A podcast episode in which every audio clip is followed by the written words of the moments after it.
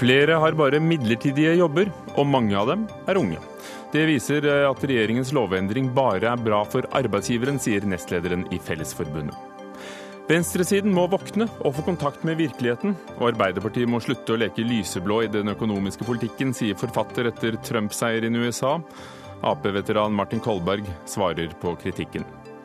Og Donald Trump vil ikke kunne løpe fra hele miljøpolitikken, politikken, sier en av våre fremste klimaforskere. Og klimaministeren selv sier at verden vil gå videre, uansett hva USA gjør. Kutt i sykelønn, kutt i skolegang og kutt i pensjon. Det er spareforslag fra tankesmien Civita. Baklengs inn i fremtiden, mener tenketanken Agenda. Han må ta Magnus i åpningen hvis han skal vinne, sier sjakkmester om Magnus Carlsens motstander i New York når sjakkverdensmesterskapet starter i dag.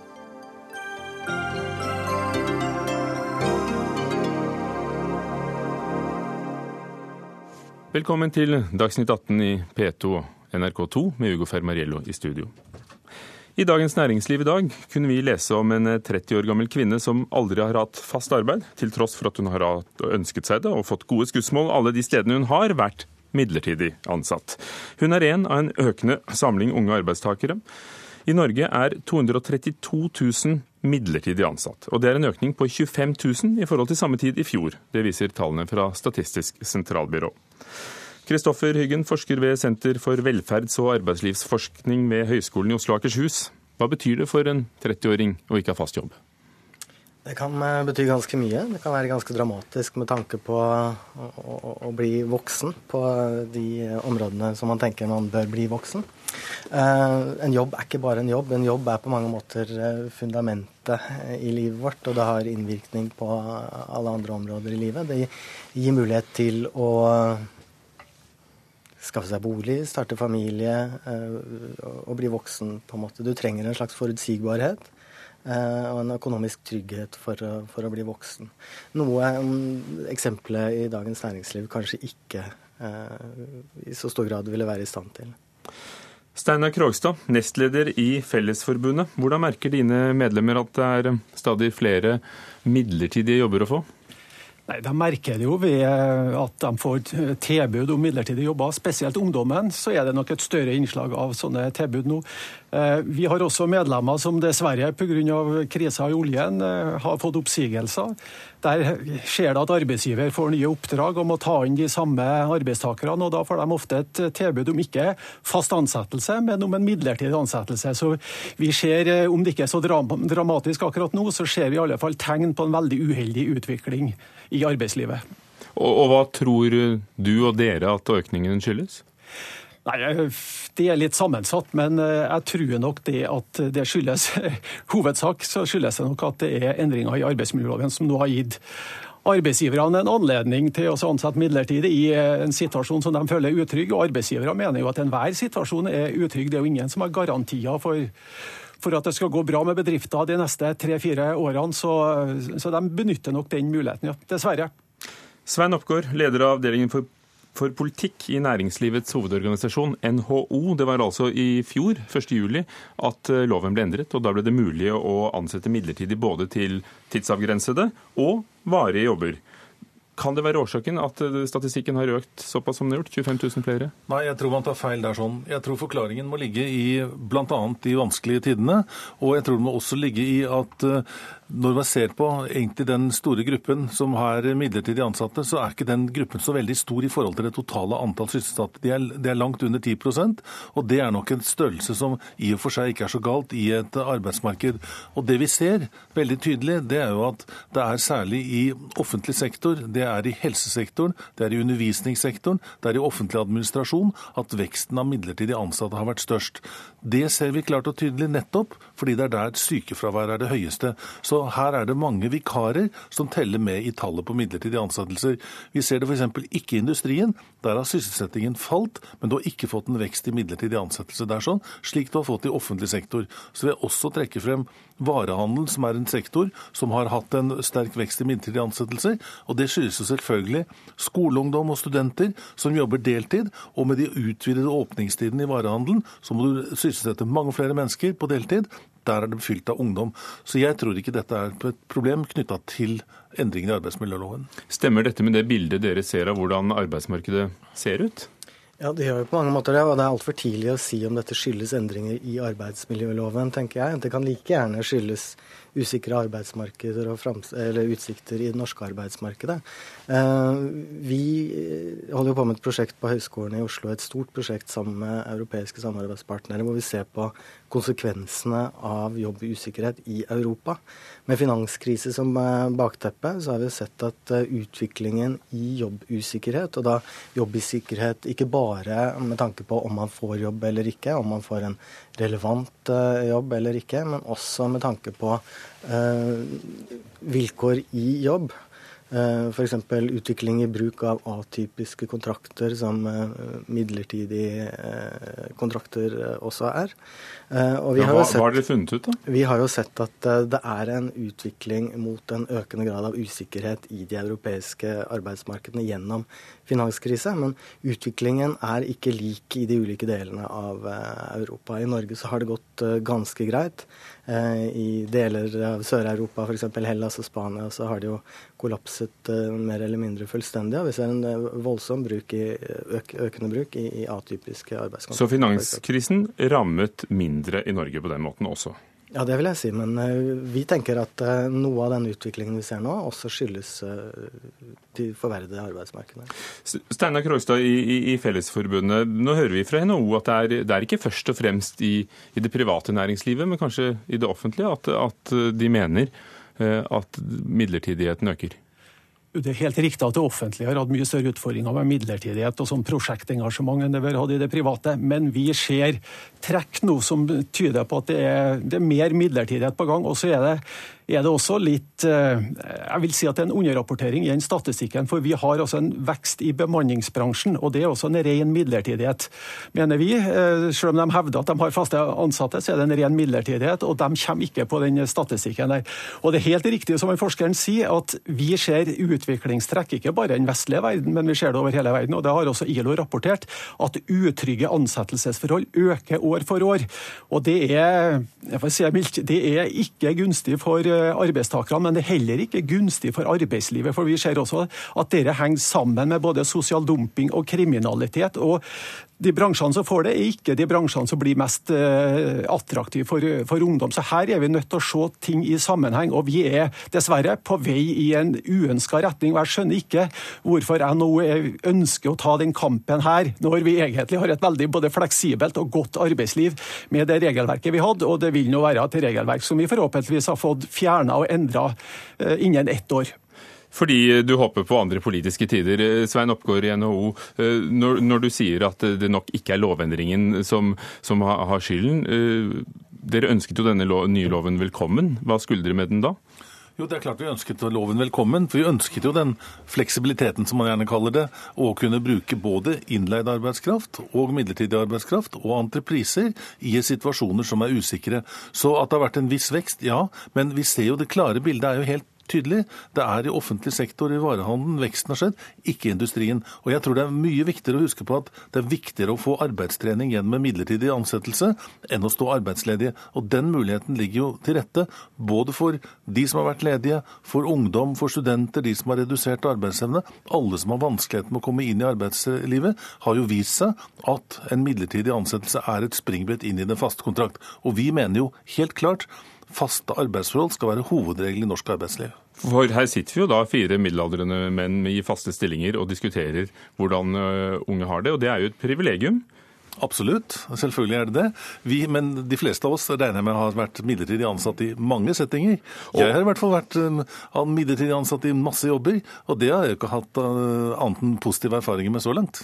Krogstad, en midlertidig jobb er vel bedre enn ingen jobb, hvis det er alternativet i, i, i et stramt marked, f.eks. i oljenæringen når de skjærer ned? Det er ikke det som er alternativet. Alternativet er en fast jobb. Og for å, Nå sa jo du at vi var fire middelaldrende menn, men jeg kan jo da fortelle fra den, fra den tida jeg ikke var fullt så middelaldrende.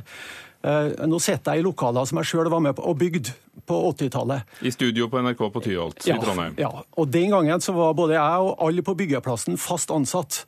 Eh, I dag så har det ville vært noen som har vært fast ansatt, noen ville vært midlertidig, og en god del ville vært innleid. Jeg var da i den fasen at jeg akkurat kjøpte min første leilighet. Hvis jeg har vært innleid, eller hvis jeg har vært midlertidig ansatt, så har jeg ikke kommet til å kjøpe den leiligheten. Da har jeg enten leid, eller så har jeg bodd hjemme på gutterommet, og det har vel ikke vært bra for noen av partene, tror jeg. I det takket være det studioet du sitter i nå og har bygd selv med dine egne never. Kristi Ryggen, som forsker på konsekvensene. Er, er det annerledes eh, å være midlertidig ansatt eh, i Norge enn i resten av Europa?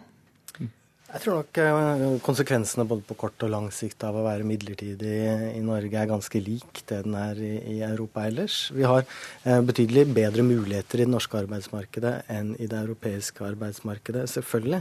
Vi hører eh, historier fra Norge, men, og også fra Europa, om, om, unge som på en måte setter, setter framtida litt på vent. Nettopp pga.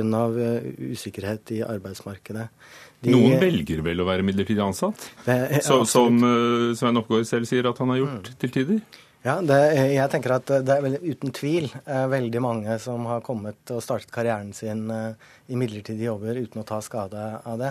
Men eh, hvis det på en måte blir normen i et arbeidsmarked, hvis det ikke er frivillig lenger, og hvis det er segmenter av kanskje særlig sårbare unge som starter på denne måten, så kan det få alvorlige konsekvenser på Men vi har aldri sagt at dette skal være normen. Jeg har sagt at fast ansettelse skal være hovedregelen i norsk arbeidsliv. Det kommer det til å være fortsatt.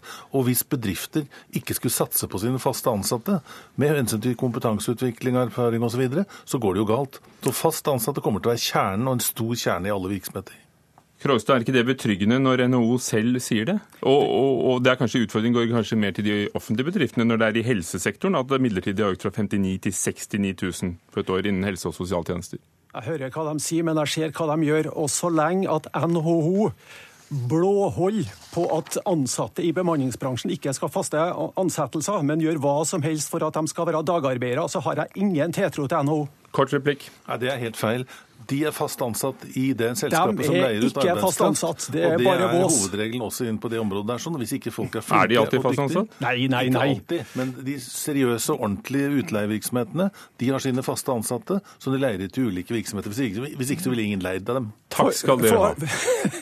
Takk skal dere ha. Vi prøvde også å få politikere med i denne debatten. Det var ikke så lett i dag. Takk til dere som kom. Svein Oppegård, direktør for politikk i NHO, Christer Hyggen, forsker ved Høgskolen i Oslo og Akershus, og Steinar Krogstad, nestleder i Fellesforbundet.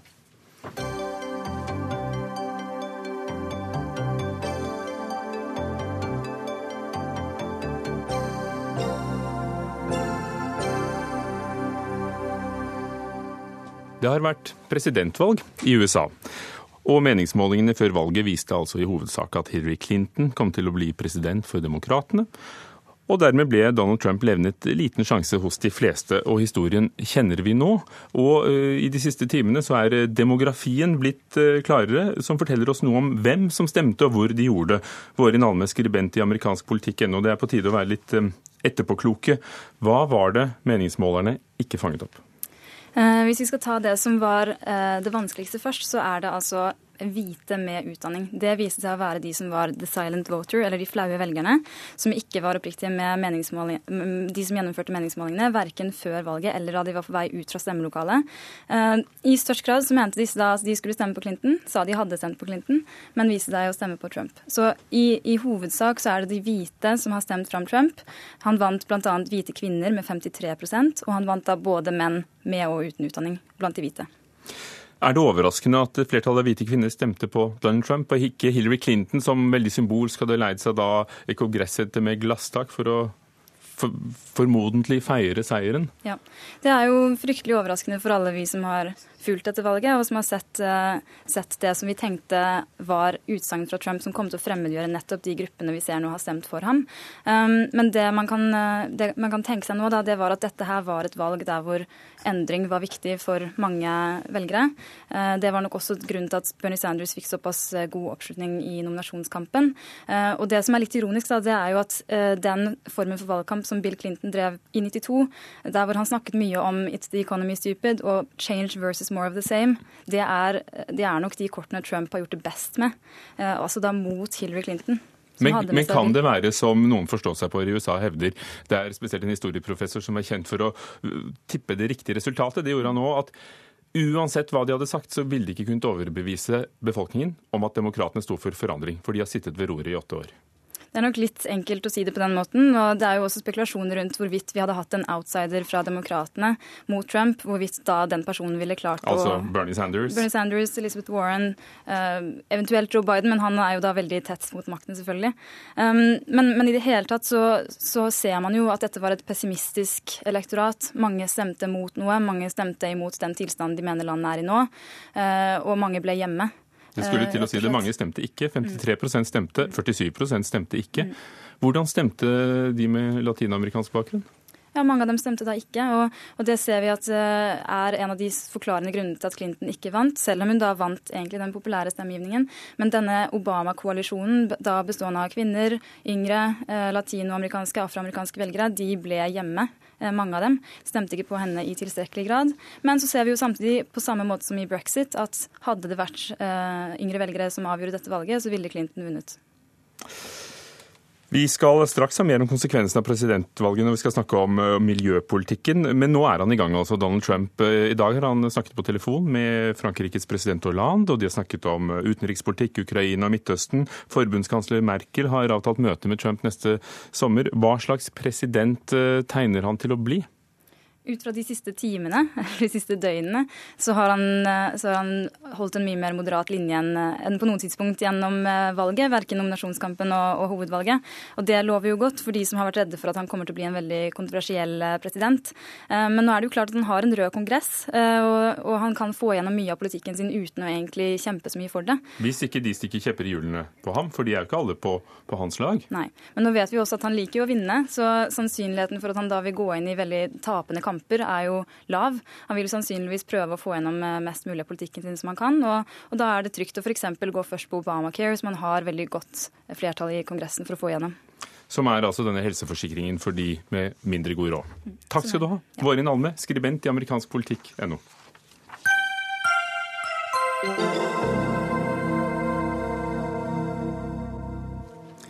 Oljeboring i Arktis Gjenåpning av kullgruver, dette er blant Trumps valgløfter.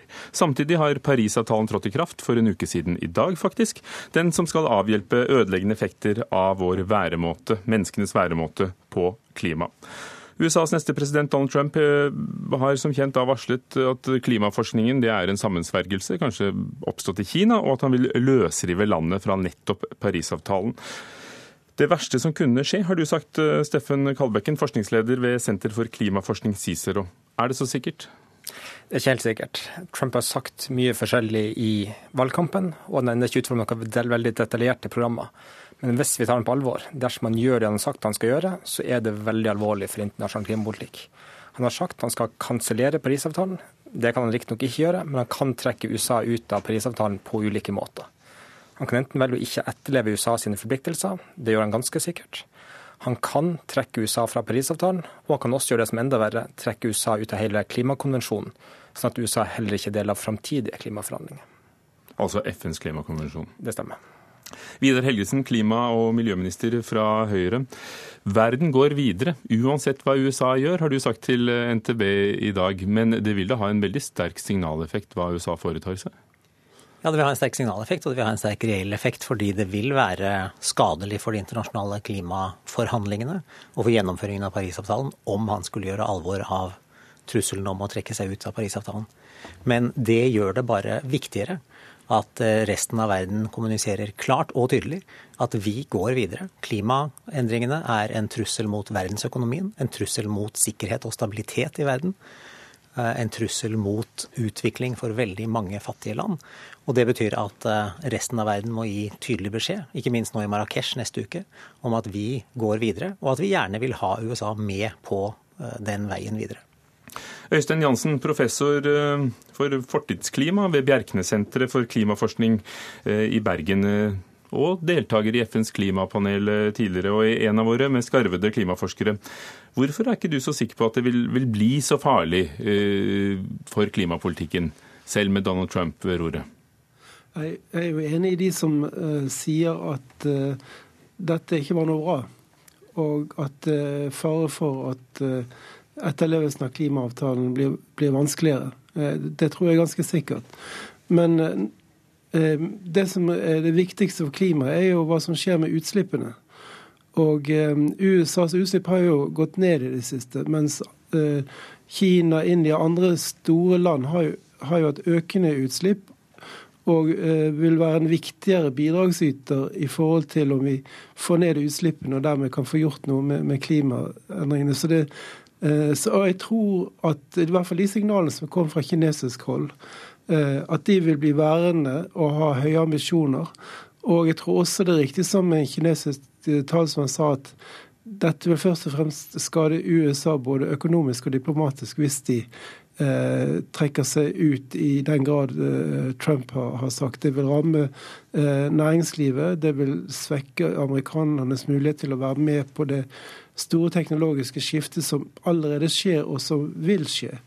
Eh, eh, det å åpne kullgruvene er jo lettere sagt enn gjort, fordi Trump har jo også sagt at han vil vil styrke olje- og gassektoren, som jo er det at de har funnet så mye gass, er den viktigste grunnen til at kullgruvene er blitt stengt. Så, uh, så, det er jo ikke så lett å se, på, se at uh, de amerikanske utslippene ikke vil fortsette å være preget av, av, av de markedskreftene de omgis med. Og dermed så, så eh, tror jeg at amerikanernes utslipp vil sannsynligvis følge den trenden som har vært, men det vil være vanskelig å gjennomføre Eh, målene, og i hvert fall å gjennomføre Parisavtalens intensjoner om økte ambisjoner.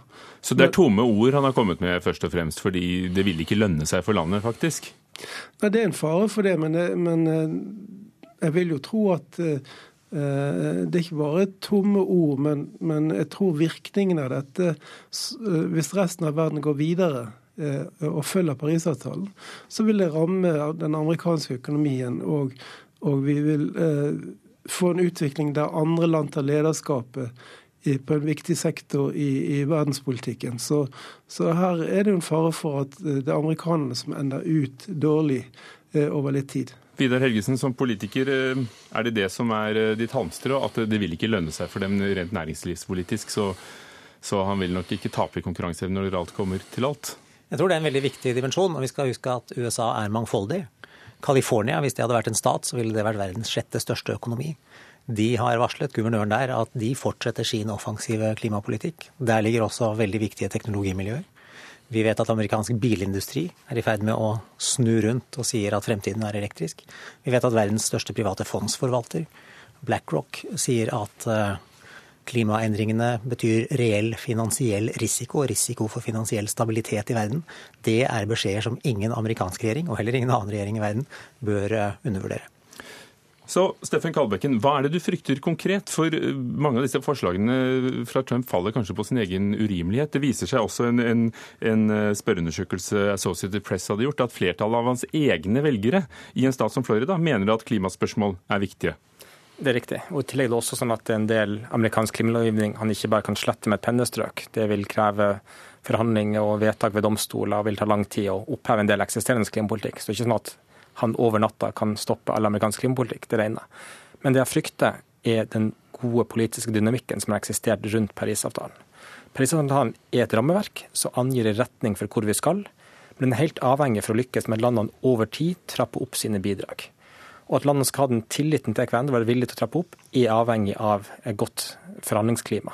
Og Hvis man bare har verdens største mektigste nasjon som trekker seg ut av forhandlingene, ikke innfrir sine forpliktelser, så vil det forsure det forhandlingsklimaet ganske mye og gjøre det vanskelig å få til økt ambisjon over tid, som er nøkkelen til å lykkes med Parisavtalen. For selv om det tar fire år, altså en presidentperiode, å trekke seg ut, så er det heller ingen sanksjonsmuligheter eh, mot USA? Det er ingen sanksjonsmuligheter i avtalen, og dessuten så kan han også trekke seg på bare ett år. Han kan trekke seg fra FNs klimakonvensjon på ett års varsel. Og det vil også være mer skadelig enn å bare trekke seg fra Parisavtalen, for da deltar de som nevnt heller ikke i framtidige klimaforhandlinger. Øystein Jansen, det er jo også de eh, som sier alle danske uh, kjente klimapersonligheten kanskje, og, og, forskeren Bjørn Lomborg at Parisavtalen spiller uansett ikke så stor rolle for oppvarmingen av kloden. Så selv om man iverksetter noen av planene sine, er det kanskje ikke så farlig vitenskapelig sett, eller hva sier du? Jeg tror at Parisavtalen er viktig, eh, og særlig det å øke ambisjonsnivået. Vi skal huske på at hvis man bare gjør det som man har sagt man skal gjøre frem til 2030, eh, så er det nærmest helt sikkert at man ikke når målene. Så, så økte ambisjoner er viktig. og Jeg er jo enig med Kalbekken i at eh, det at et så viktig land som USA står i fare for å trekke seg ut, Eh, vil gjøre det vanskelig å få de andre landene med, og kanskje også vanskeligere å nå målene. Men det er en del andre prosesser som vil gå uavhengig av avtalen, så avtalen er ikke alt. Og selv, uten, eh, uten, altså selv før eh, Parisavtalen trådte i kraft, så hadde det jo allerede skjedd Eh, et veldig sterkt skifte i, i eh, prisene for fornybar energi. Og eh, store deler av den amerikanske økonomien er jo nå i ferd med å implementere lavutslippsteknologier. En stat som Texas har store satsinger på sol. Selv om det er en relativt solid republikansk delstat. Sånn at her skjer det ting i markedene som man ikke skal undervurdere. Og det er jo også andre muligheter å sanksjonere amerikanerne på, i forhold til f.eks. For å, å uh, ikke ville kjøpe amerikanske varer. Uh, amerikanerne blir ikke med på den teknologiutviklingen som skjer på samme måte som andre land. Andre land tar over viktige markeder. Uh, så her er det jo andre sider ved dette som kan virke, selv om avtalen ikke gir sanksjonsmuligheter. Så er det jo økonomiske og diplomatiske muligheter mm. på andre måter. Kalbekken, Parisavtalen, hvor viktig er den for uh, å hindre mm, oppvarming av planeten vår? Det er det viktigste enkelttiltaket vi har globalt. Men det er ikke sånn at det er én avtale som løser alle problemene. Det skjer veldig mye annet som er utrolig viktig. Det land gjør, det byer gjør, det som skjer i markedene. Det som skjer gjennom andre avtaler, f.eks. i Montreal-protokollen, der vi nå skal kutte utslippene av klimagasser som er veldig kraftige klimagasser, men har erstatta de ozonnedbrytende gassene. De skal nå reguleres. Så det skjer veldig mye viktige ting på andre, tema, på andre tema, og det skal absolutt ikke undervurderes hvor viktig det er for framdrifta. Og siden du sitter her, Vidar Helgesen, minn oss på hva er det vi skal gjøre? Vi har eh, pga. Parisavtalen meldt inn at vi skal kutte utslipp med 40% frem til 2030. Vi skal gjøre det sammen med EU, og det er særlig i transportsektoren og i landbruket at vi i Norge har eh, utfordringer med å stå foran store kutt i årene fremover. For det er noen mål også i 2020? Vi har mål i 2020 også, og veldig mye av det vi gjør nå, er ting som har effekt før 2020, men som antagelig vil ha enda større effekt eh, opp mot 2030-målene. Det dreier seg bl.a. om elektrifiseringen av norsk bilpark. Ingen land har kommet lenger enn oss i det. Eh, vi bygger eh, rekordmye på jernbane nå. Det vil ha effekt, men mest effekt over noen års med noen års virkning. For her sitter dere jo alle ganske enige om hva Donald Trump ikke bør gjøre. Men er, er du klar på alt vi skal gjøre? Har du smørbrødlisten der? Vi har fra Miljødirektoratet en rekke lister over hva som skal gjøres. Som første regjering noensinne bestilte vi en klimastrategi for arbeidet med Nasjonal transportplan. Den foreslår en rekke ting som kan gjøres i transportsektoren. Og vi kommer med en Nasjonal transportplan til våren, for å nevne transportsektoren. Og så er det jo overordnet at vi har gått for en felles gjennomføring med EU som kommer til å fundamentalt endre norsk klimapolitikk. Vi får årlige utslippsbudsjetter. Vi får årlig overvåkning av hvordan vi øh, gjør det.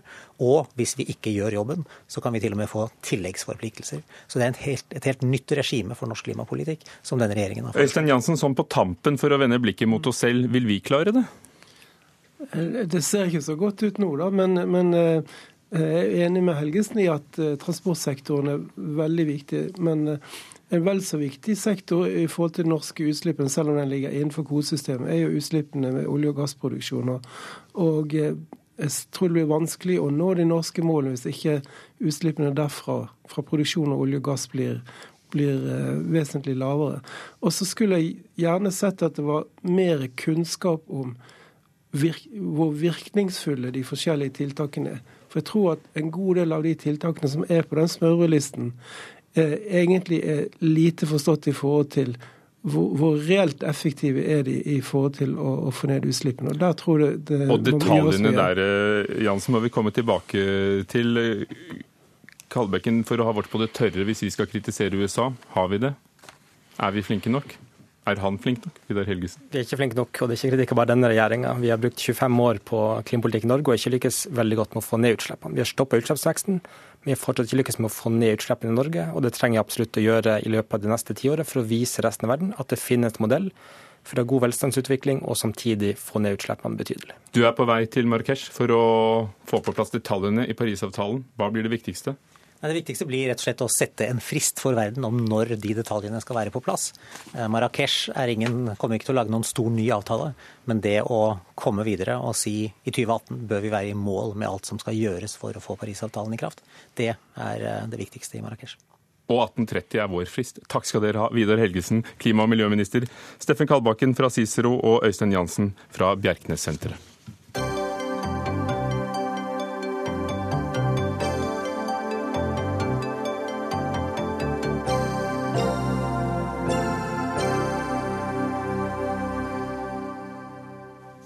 Etter at eh, britiske velgere stemte for å forlate EU, og USAs velgere stemte inn Donald Trump som president, er det på tide at venstresiden i norsk politikk stikker fingrene dypt i jorden og får kontakt med virkeligheten.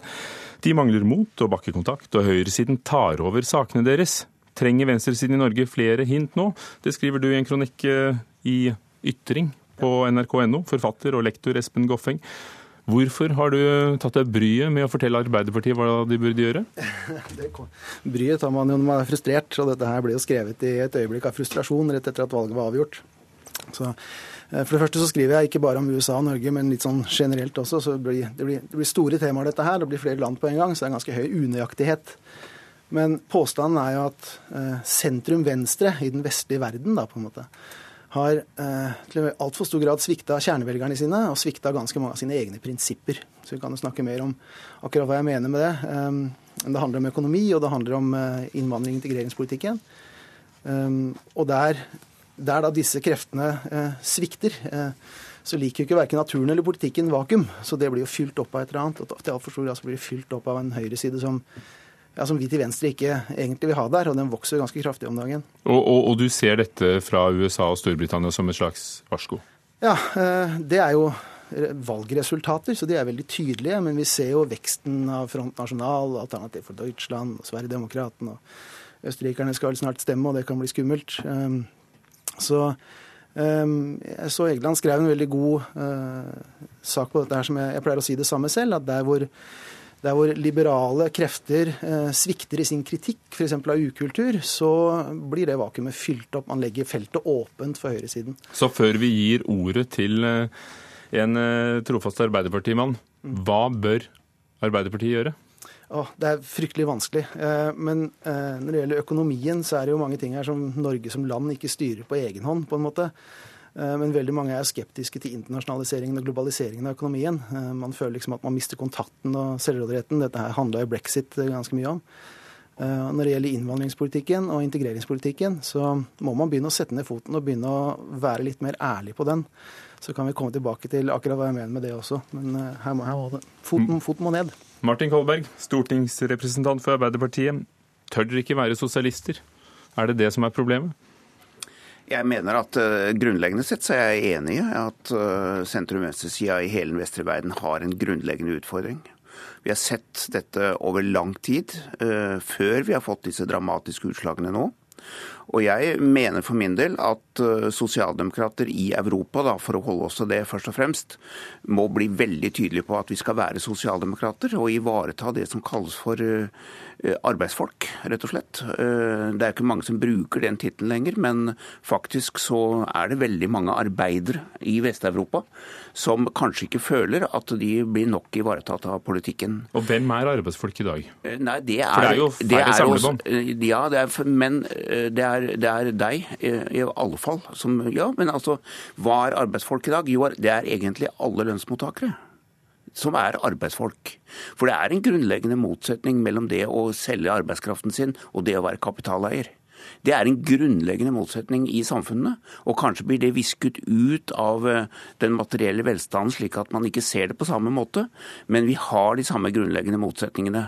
Og jeg er enig i analysen om at sosialdemokrater og sosialister, for å bruke slike uttrykk, må ta tydelig ansvar for de som sitter nederst på bordet. Men du har jo holdt på med dette en mannsalder og har vært partisekretær i, partiet. Ja. og når, når dere så høyt oppe i partiet er enig i dette, hvorfor har dere tydeligvis ikke lyktes. vi- der, der, det står jo også i kronikken, riktignok uh, litt pent skrevet, at riktignok så står Arbeiderpartiet litt annerledes til. Og det er nettopp fordi at vi ikke har fulgt den linjen som sosialdemokratiske partier i mange europeiske land har gjort. Fordi vi har bevart vår integritet, i stor grad iallfall, når det gjelder forholdet til fagbevegelsen, når det gjelder det å drive utjamningspolitikk. Se på det siste statsbudsjettforslaget vårt nå, som er et helt klart alternativ til den høyre regjeringen. Og all den motstand som vi har, har gjennomført til daglig i Stortinget når det gjelder kampen mot en rettferdig og riktig arbeidsliv. For disse tingene er jo skanser i kampen for det som eh, blir riktig pekt på, eh, nemlig arbeidsfolks situasjon i hele den vestlige verden. Og her har vi tatt den kampen på norsk grunn. Og derfor står Arbeiderpartiet så sterkt, rundt 35% i inngangen til en viktig valgkamp neste år. Og hadde vi ikke gjort det, så tror jeg det hadde vært helt annerledes. De er jo, de er jo store. Ja da, de er store. Og de fleste av disse debattene her er jo adskillig mer fornuftige, føler jeg, i Norge enn de er i veldig mange andre land. Uh, Men, og- men noen, du nevnte konkrete saker. Fyr løs. Uh, På økonomi, mener du? Økonomi, innvandring nevnte. Ja, altså Økonomi som sagt, det er veldig veldig mye verre i veldig mange andre land enn det her. her. Så Jeg skriver om Labour bl.a. i den kronikken. eh, Og gamle Labour-folk hadde ikke kjent igjen Labour sånn som det er nå. Det er jo Thatcher-politikk, nærmest. Så, eh, men men eh, sentrum-venstre her i Norge har jo også gått mot høyre, klart og tydelig, etter at muren faller spesielt, som er en sånn sak der hvor liksom frimarkedskreftene klarer å claime den seieren. Eh, Og venstresiden blir stående og fekte etter fotfestet og vet ikke helt hva de skal Eller har, si. for har verden lenger. forandret seg, og, og vi tenker annerledes om hvordan økonomi fungerer? ja da. Det er, eh, disse mantraene fra frimarkedskreftene er forferdelig sterke. Og der er Ta liksom ikke- økonomi. Er dere blitt lyseblå? Nei. Eh, Og eh, vi har jo stått for en politikk som har også bidratt til at den norske reallønnsøkningen er på et sensasjonelt høyt nivå. Det finnes ingen sammenligning med noe land noe sted hvor, hvor den gjennomsnittlige reallønnsøkningen har økt slik som den har gjort i Norge gjennom de senere år, og spesielt under den rød-grønne regjeringen. Sysselsettingen har vært også på topp, og kvinnene har kommet inn i det norske samfunnslivet. Slik at det Mye av dette skyldes også, også samfunnsmessige forandringer ja, og men, økonomisk jo, vekst. men altså, Det kan du gjerne si, men det handler om hvordan det blir styrt. For det finnes mange rike land, mange samfunn med mye penger, hvor det faktisk da skjer det som har skjedd i USA. Nemlig at ingen har fått reallønnsøkning. De har blitt holdt nede. Og selvfølgelig da til syvende og sist stemme på Trump, for heller, Trump fordi at eh, demokratene heller ikke har eh, troverdighet på saken. Stoffing, og det nevnte- er til å forstå. Du altså. nevnte innvandring. Ja. Eh, Det er en større debatt antageligvis, eh, spesielt i Norge, og kanskje også i Europa, enn økonomien er. I økonomien har vi et par sånne krisetilfeller, sånn som England og, og, og USA f.eks. Men eh, innvandrings- og integreringspolitikken, der har altså venstresiden feila ganske stygt, mener jeg, i ganske mange saker, og, og svikta sine egne prinsipper, rett og slett. Dette gjelder ytringsfrihet, det gjelder møte med religiøs dogme og religiøs autoritet, og det gjelder kvinnekamp. Ja, hvordan har de sviktet? Eh, altså, Det er helt absurd, egentlig, historisk sett, at det er venstresiden som påstår at en religion skal beskyttes mot kritikk. Eh, dette er helt merkelig. Det er, Når det gjelder innvandring? Ja, men altså, ja. det, er, er der den store trusselen mot ytringsfriheten kommer nå. Altså, Charlie Hebdo, eh, det som skjedde i Danmark, diverse altså, Vi har hatt en redaktør som blir skutt her i Norge. Dette er knytta til innvandring og det er knytta til integrering. Og det er knytta til en ny religion til en viss grad, i hvert fall. Og at venstresiden skal være den siden som skal ha den religionen beskytta, dette er helt absurd. For det er venstresiden som har gnagd ned tennene til religiøs autoritet i Europa gjennom flere hundre år. Og så kommer det en ny religion, og så skal vi bare skifte. Eh, skifte side der, på en måte. Dette er helt merkelig. Eh, men det har kanskje noe med at vi blir stilt overfor utfordringer nå som liksom eh, det liberale systemet vårt er dårlig rusta til å takle. Da. Og det har antakeligvis noe med at vår egen kultur har jo gjennomgått liberaliseringen, på en måte. Så hvis jeg får 30 sekunder til å si jeg kan tegne Jesus i hvilken som helst posisjon. ikke sant? Og det er fordi Jesus han, Jesus bodde her i Europa han når liberalismen kom. ikke sant? Så han er vokst opp med det. Muhammed bodde ikke her. altså. Han er ikke vant til å bli tegna. Er det et ideologisk skifte når det gjelder møtet med religion? Politikk Ja, for- og religion? Men nå snakker han ikke om norsk sosialdemokrati. Nå snakker han om uh, andre deler av det han karakteriserer som venstresiden. Fordi at, Gjør du det? eh, Sent- sentrum-venstre. Jeg snakker ja, om Arbeiderpartiet. altså, nei, eh, det, på dette punktet vil jeg markere en tydelig uenighet. Fordi at Arbeiderpartiet har jo deltatt i all nødvendig kritikk av, av all ekstreme holdninger knyttet knytta til religiøse bevegelser. Og vi har sagt veldig tydelig fra om det. Jeg f.eks. har jo fått så da jeg var partisekretær, da jeg sa at vi ikke aksepterte noen form for ekstremisme knytta til islam, fikk masse kritikk for det. Når mener du at Arbeiderpartiet var tannløse, da? Ja, Vi hadde jo uttalelser etter eh, den første karikaturstriden bl.a., som ikke var der de skulle være i det hele tatt. Der skal jo ledelsen, spesielt på venstresiden, være beinharde og si at dette er ytringsfrihet, dette er religionskritikk, rett og slett. Og en religion som er ganske mektig i Europa nå. Er det 50 millioner muslimer i Europa men, nå? Men jeg vil, jeg vil gjerne kommentere det som jeg mener er mer essensielt enn akkurat disse eksemplene knytta til dette. Fordi nå har vi hatt en eh, stor debatt om disse spørsmålene i norsk politikk i de senere tiden, selvfølgelig. Og eh, det er blitt gjennomført de nødvendige forlikene i Stortinget for å holde orden på våre grenser, for å holde orden på innvandringen, for å sikre befolkningen. Det har Arbeiderpartiet vært med på, og venstresida har vært med på eh, i Norge, med et visst unntak. Da kan du kanskje med dine øyne si SV. Men Arbeiderpartiet har det. Men så vil jeg si vi må jo også, når vi snakker om resultatene av det amerikanske valget, så er det jo også venstresidas oppgave å slåss mot de reaksjonære og isolerende kreftene, som jo ikke aksepterer disse menneskene i hele tatt, på et nærmest rasistisk grunnlag. Men, men og det sa... er jo helt umulig å akseptere for venstresida i politikken, også på et demokratisk og liberalistisk eh, liberalt grunnlag. Du, du, det, du sa opprinnelig at du var, var, enig i en del av observasjonene. Jo, jeg og, sier det, og unngår å kommentere altså, at Goffing mener at dere har vært unnfallende nei, enkeltganger. Nei, jeg mener ikke det. Jeg mener at man må, må i noen sammenhenger også beskytte disse miljøene på en slik måte at de ikke blir utsatt for urimelige og, eh, urimelige og eh, helt usaklige angrep og stigmatiserende angrep, slik at vi får en utvikling av en samfunnskultur også i Norge hvor vi begynner å snakke om de og vi. Og Det er også en oppgave for venstresida. Men samtidig skal vi være strenge på de tingene som du tar opp her. Og jeg mener at for Arbeiderpartiets vedkommende så har vi gjort dette. Dette er vel oppgave for alle politiske partier? Ja, det er det for så vidt. Eh, men det er ikke til å komme fra at eh, eh, når, folk som meg f.eks. snakka om, om æreskultur i innvandringsmiljøene for fem år siden, så ble vi hylt ned. Og det kom fra folk i Arbeiderpartiet, og det kom fra folk i SV. Også noen politikere. Men det er den siden det kommer fra. Nå har vi et, et kobbel med forferdelig modige damer. Kanskje ikke du egentlig er på venstresiden? Jo, jeg er det, skjønner du. Det er, det er, det er, venstresidens prinsipper jeg bruker når jeg snakker om uh, religionens påvirkning på samfunn, f.eks., og ytringsfrihet. Det er ikke høyresidens. Uh, høyresiden har en helt annen gruppetenkning enn det.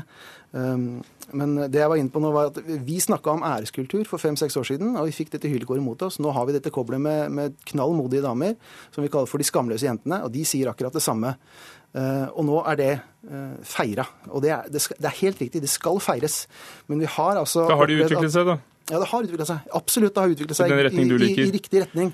Og det kommer f.eks. fra folk som Solhjell, som går ut av SV nå. En kort sluttreplikk til deg, Martin Kolberg. Hvordan skal dere komme bedre i kontakt med alle i partiet, arbeidsfolk, som du selv sa? Ja, altså Vi skal fortsette som vi uh, gjør. Og uh, vi har en veldig god forståelse av nødvendigheten av denne kontakten.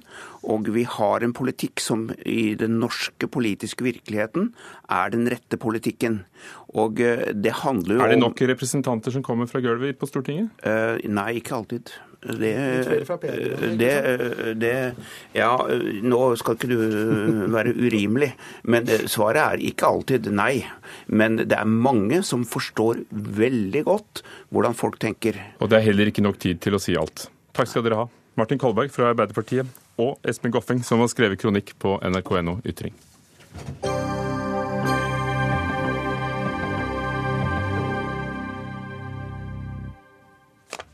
Det er én time til første trekk. Magnus Carlsen møter Sergej Karjakin i VM i sjakk, og det skjer i New York. De siste årene er eh, sjakk på dette nivået blitt et fenomen også for publikum, ikke minst takket være norske Magnus Carlsen. Torstein Bae, NRKs sjakkommentator, selv sjakkspiller. Hvilke forventninger har du til årets finale? Jeg tror det blir en tøff og jevn match. Magnus er jo selvfølgelig favoritt. Har vært verdensener nå gjennom mange år, har vunnet VM to ganger. og... Um, på papiret skal han være hakket sterkere, men vi vet at Sergej Karjakin har ligget i hardtrening gjennom lang tid og har støtte fra hele det russiske apparatet. De er 26 og 25 år gamle. Eh, begge selvfølgelig veldig sterke, det er derfor de er der hvor de er. Men hva slags spiller er Karjakin, som vi kanskje kjenner mindre enn Carlsen? Karjakin er jo et unikum som stormester, tolv år gammel. Den eneste som oppnådde det, enda yngre enn det Magnus var. og En helt utrolig prestasjon. Så har ikke han klart å, å ha den samme utviklingen som Magnus. Mener selv at det skyldes utviklingen i Ukraina. Han er jo fra Krim. Eh, og det som da preget eh, hans opphold der, før han byttet til Russland, nå er han kjent som en åpningsekspert spesielt. Det er der han må ta Magnus. Og så sier Magnus også at han er veldig god i forsvar. Han er vanskelig å få i bakken selv om han har overtaket. Mm. Atle Grønn, professor i nettopp russisk og forfatter av den ganske ferske boken 'Sjakken eller livet' og selv sjakkspiller. Du står utenfor der hvor åpningsseremonien skal finne sted om et kvarters tid. Og så om en, time et kvarter er, begynner det hele. En av 600 tilskuere som har fått eh, plass i dag. Hvem står sterkest av de to?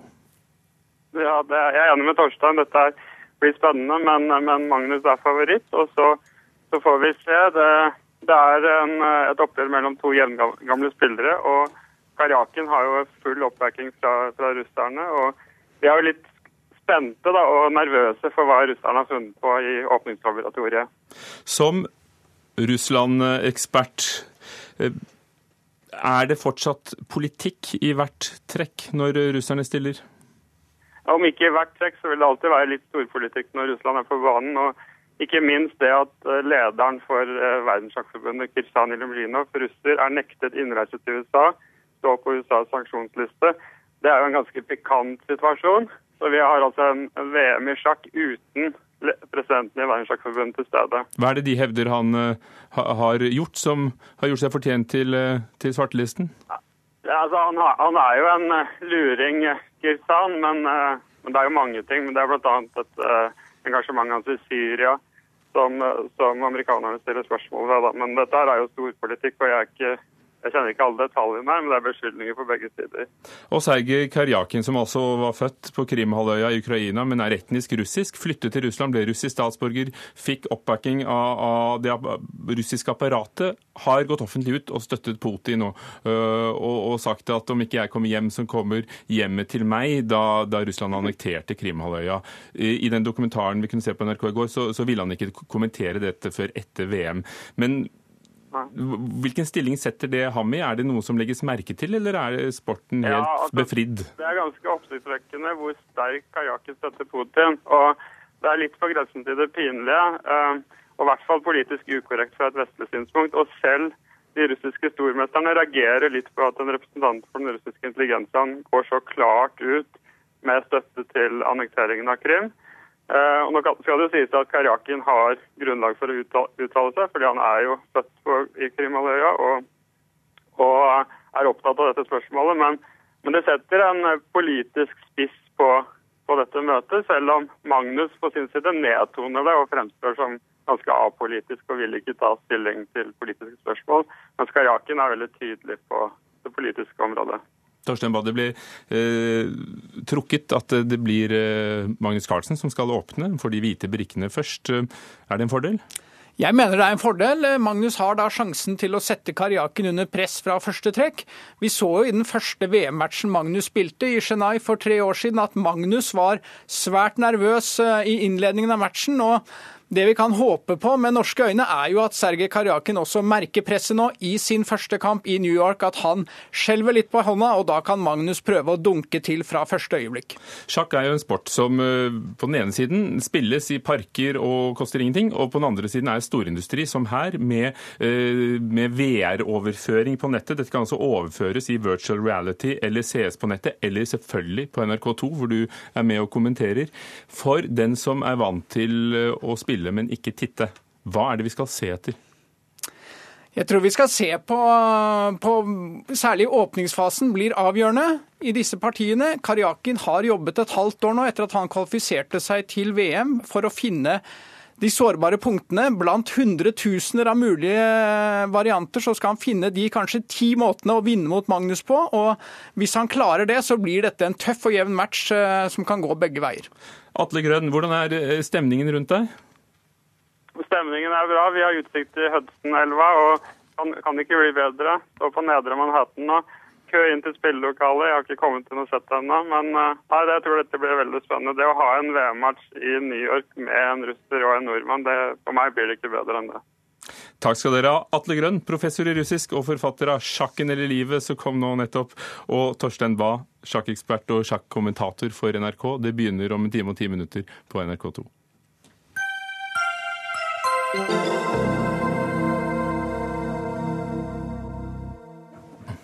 Den liberale tankesmien Civita foreslår å kutte statlige utgifter med 50 milliarder kroner, og foreslår også hvordan det kan gjøres. I et notat blir det pekt på mange konkrete måter. Blant dem er kutt i sykelønn ved å innføre en egenandel, kutt i statens utgifter til tidligpensjonsordningen AFP, og så gå tilbake til tolv års skolegang. Håkon Rikles, samfunnsøkonom, du står bak Civita-notatet. Hvorfor vil dere gyve løs på offentlige utgifter? Grunnen til at vi mener det er nødvendig å, å, se på hvilke utgifter man kan kutte, er at vi vet at uh, på lang sikt så får vi en veldig mye mer uh, stram uh, økonomisk situasjon for staten pga. eldrebølgen. Men vi vet også at på kort sikt, innen få år, vil få klart redusert handlingsrom. I nasjonalbudsjettet som ble lagt frem i høst, så kom det frem at handlingsrommet halveres eh, allerede om få år.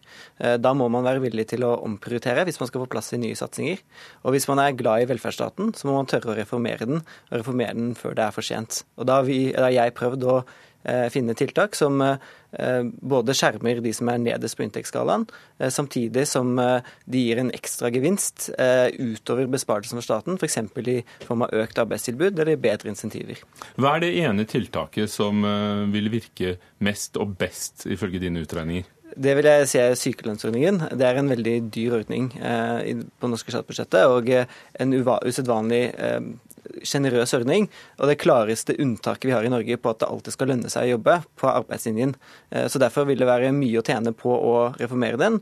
Og vi har også veldig godt empirisk belegg på at både det å gi insentiver til arbeidsgiver eh, om å legge til rette for at arbeidstakere som er syke, kommer raskest mulig tilbake, og det å gi ikke forholdsvis beskjedne insentiver til arbeidstakere også eh, bidrar til lavere sykefravær. Spesielt det langsiktige sykefraværet eh, kan påvirkes eh, på den måten. Og det kan også da påvirke Men vil færre mennesker bli syke hvis de får mindre penger når de er det? Sannsynligvis er ikke mekanismen at færre blir syke. Sannsynligvis er mekanismen at man kommer tilbake raskere, fordi man er mer på hugget på å revurdere når er det arbeidsevnen er tilbake der den var tidligere. Og så vet vi også at desto lenger man er Eh, i sykefravær, desto større er sjansen for at man aldri kommer tilbake til arbeid. Så det er en vikt, veldig viktig eh, mål i seg selv, det å forkorte sykefravær der det er mulig, og gjøre sånn at insentivene ikke står i veien for det. Sånn som det er nå, spesielt på arbeidsgiversiden, så står insentivene i veien for å få folk raskt tilbake, fordi en arbeidsgiver vil tape penger på at noen eh, som har vært ute i sykefravær, eh, kommer tilbake for så å bli syk igjen, for da begynner en ny arbeidsgiverperiode. Så de tjener på at eh, at de, de, de ikke kommer tilbake? De vil i hvert fall tjene på å si til sine arbeidstakere at dere må bli helt friske før dere kommer tilbake, for vi ikke risikerer en ny arbeidsgiverperiode. Sigrun Aasland, fagsjef i Tankesmien Agenda, som eh, er selverklært for sentrum venstre. Hvordan høres f.eks. dette forslaget ut, for å begynne helt konkret? Jeg har lyst til å eh, si først at det er alltid fornuftig å vurdere utgifter kritisk. Eh, og det er alltid mange steder man kan kutte utgifter. Eh, og det finnes utgifter som har vært viktige før, og som kanskje ikke er det lenger. Og jeg deler bekymringen for regjeringens pengebruk og for budsjettbalansen. Men så eh, har jeg lest Det er vel ikke bare regjeringens pengebruk? For både regjeringen og Arbeiderpartiet bruker godt over 220 milliarder kroner av oljefondet, så det blir tomt ja, innen 2043. Og så har det økt de siste årene, men poenget mitt er at eh, disse forslagene skjermer jo i noen grad de aller svakeste, men er litt sånn blandet liste med noen litt rare forslag, og noen OK-forslag, og noen ikke så veldig lure forslag. Eh, det er ganske usosialt. Det er vanlige folk sånn et stykke ned på lønnsstigen som skal betale for disse kuttene. Det er dem det er flest av. Eh, men, ja, men det viktigste tenker jeg at det, dette løser jo ikke de oppgavene vi er nødt til å løse. Det løser ikke budsjettbalansen 10 år, 20 år, 50 år fram i tid. Det vi trenger å gjøre hvis vi skal ha budsjett i balanse i 2050 og 2060, det er to ting. Det ene er å få folk i jobb, og da snakker jeg ikke om sykefravær, men om langtids uh, uføretrygd, unge mennesker som står utenfor arbeidslivet, uh, eldre mennesker som står utenfor arbeidslivet. Og det andre er å få en mye mer effektiv offentlig sektor. der vi løser omsorgsoppgavene på en ny måte med bedre teknologi, og der vi klarer å løse oppgavene våre med mindre administrasjon og måling og rapportering, som vi bruker mye utgifter på. Men nå, nå skal du få svare. Hva syns du om kutt i sykelønnforslaget? Eh, det man gjør, De forslagene til Civita, for det første så vil ikke de løse sykefraværet. Det tror jeg vi kan slå fast. Eh, for det andre så er det eh, i de forslagene legger man mye ansvar på enkeltindividet, men man legger også mye ansvar på arbeidsgiver. Og det kan nok, tror jeg, på sikt være fornuftig. Men akkurat nå står vi jo i en situasjon hvor mange har mistet jobben. Vi skal få mange nye innvandrere inn i arbeidslivet, og da tror jeg det er litt farlig å straffe de arbeidsgiverne som tør å ta sjansen eh, på litt risikabel arbeidskraft. Det jeg mener det, det, er helt åpenbart at dette vil ha en effekt på sykefraværet. Det er ganske omfattende forskning som viser at uh, den, disse, den, type ganske beskjedne økonomiske insentiver har en effekt. Mye, veldig mye forskning fra Sverige hvor de har satt uh, sykelønnen opp og ned flere ganger, så man har gode tall på om det fungerer eller ikke. Det er vårt laboratorium, altså? Ja, det er på en måte et lite laboratorium. Uh, da har man noen ideer som man kan forkaste, f.eks. karensdager virker ikke spesielt godt. Derfor foreslår vi ikke det. Men det å ha f.eks. 80 Eh, betaling ved sykdom, er noe som det er stor grunn til å til å tro at det vil fungere. En av de ledende trygdeforskerne i Norge, Simen Markussen, har sagt at eh, man kan anta at en 20 redusert utbetaling vil gi omtrent en 20 redusert eh, fravær. Men når både regjeringen og Arbeiderpartiet i sitt alternative budsjett som kom i går foreslår å bruke over 220 milliarder kroner av oljefondet, og etter utregninger vil det da gå tomt i 2043, eller kanskje litt grann før eller etter, holder det å kutte 50 milliarder? Nei, Det gjør det overhodet ikke. Så jeg er helt enig i at eh, disse forslagene ikke løser alle langsiktige problemer vi har eh, i statsbudsjettet. Eh, løsningen på det er å være edruelig og forsiktig hvert enkelt år. Samtidig så må man se på større og mellomstore reformer man kan gjøre for å redusere utgifter, og også se på nettopp ting som hindrer arbeidsdeltakelse, som kontantstøtten eller skatteklasse 2 eller den type ordninger, som vi også foreslår. Hva bør skje med kontantstøtten? Den bør fjernes. Og det er vel ikke så dum idé for dere? Det syns jeg er en god idé. Eh, men jeg Hvorfor synes også jeg, Fordi det er med kunne vært med på å få flere folk ut i jobb, og det trenger vi. Ehm, og så tror jeg ikke det er sånn at vi kan eh, gjøre noen små kutt hvert år på den ene siden, og samtidig løse de virkelig store oppgavene på den andre siden. Og det er litt min bekymring i denne typen forslag. Eh, at vi ikke Vi er ikke rike i dette landet fordi eh, Vi har ikke en sterk velferdsstat i dette landet fordi vi er rike. Eh, men vi er rike fordi vi har hatt en sterk velferdsstat, og vi har god erfaring med å investere i utdanning og kompetanse. Det er jo Et av forslagene til Civita er å redusere skolegangen til norske barn med ett år. Det tror jeg er et veldig dårlig forslag når vi vet hva vi kommer til å ha bruk for i framtida. Og den historiefortellingen dette bygger på, er jo å si at nå blir inntektene lavere. Nå blir utgiftene større. Da må vi kutte med ostehøvel på alle steder der vi kan, istedenfor å si hvis vi skal klare dette på 20 år, 30 og 40 års sikt, så er vi nødt til å løse noen veldig store oppgaver nå. Og det kommer til å koste noen penger nå. Og så finnes det mange steder vi kan kutte utgifter der det ikke straffer seg på lang sikt. Og? Hvor da? Vi, eh, det finnes f.eks. store muligheter tror jeg, innenfor offentlig forvaltning. Der bruker vi masse ressurser på måling og rapportering og en enorm vekst i antall sysselsatte i direktoratene. Eh, vi kan effektivisere skatteetaten ytterligere. Hvert, okay. hvert, år er det foreslått å kutte 400 millioner i å sentralisere noen av de tjenestene. Vi får ta listen når dere utarbeider en full liste, som du nå har gjort.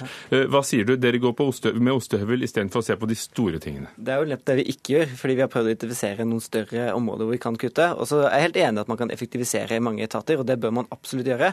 Og det kan gi f.eks. 500 millioner i skatteetaten, som er da 1% av det vi har foreslått. Eh, så jeg sier ikke at dette løser alt, alle problemer. Men, men hvis barn skal gå tolv år som før og ikke 13 år på skolen, så må jo de gjøre seg et sted som koster penger? Eh, ikke hvis man gjør sånn at man blir ferdig med skolegangen når man fyller 18, sånn som man er i stort sett alle andre land. Og det er ingen empiri som viser så at Så kutte det siste året, ikke det første? Ja, eh, og det er ingen empiri dere, som ja. vi må kutte! Takk for at dere kom på denne fredagskvelden til Dagsnytt 18. Sigrun Aasland fra Agenda og Håkon Rikeles fra Civita. Ida Tune Øresland var ansvarlig for denne utgaven av programmet. Finn Lie, teknisk ansvarlig. Ugo Fermariello, programleder. God helg.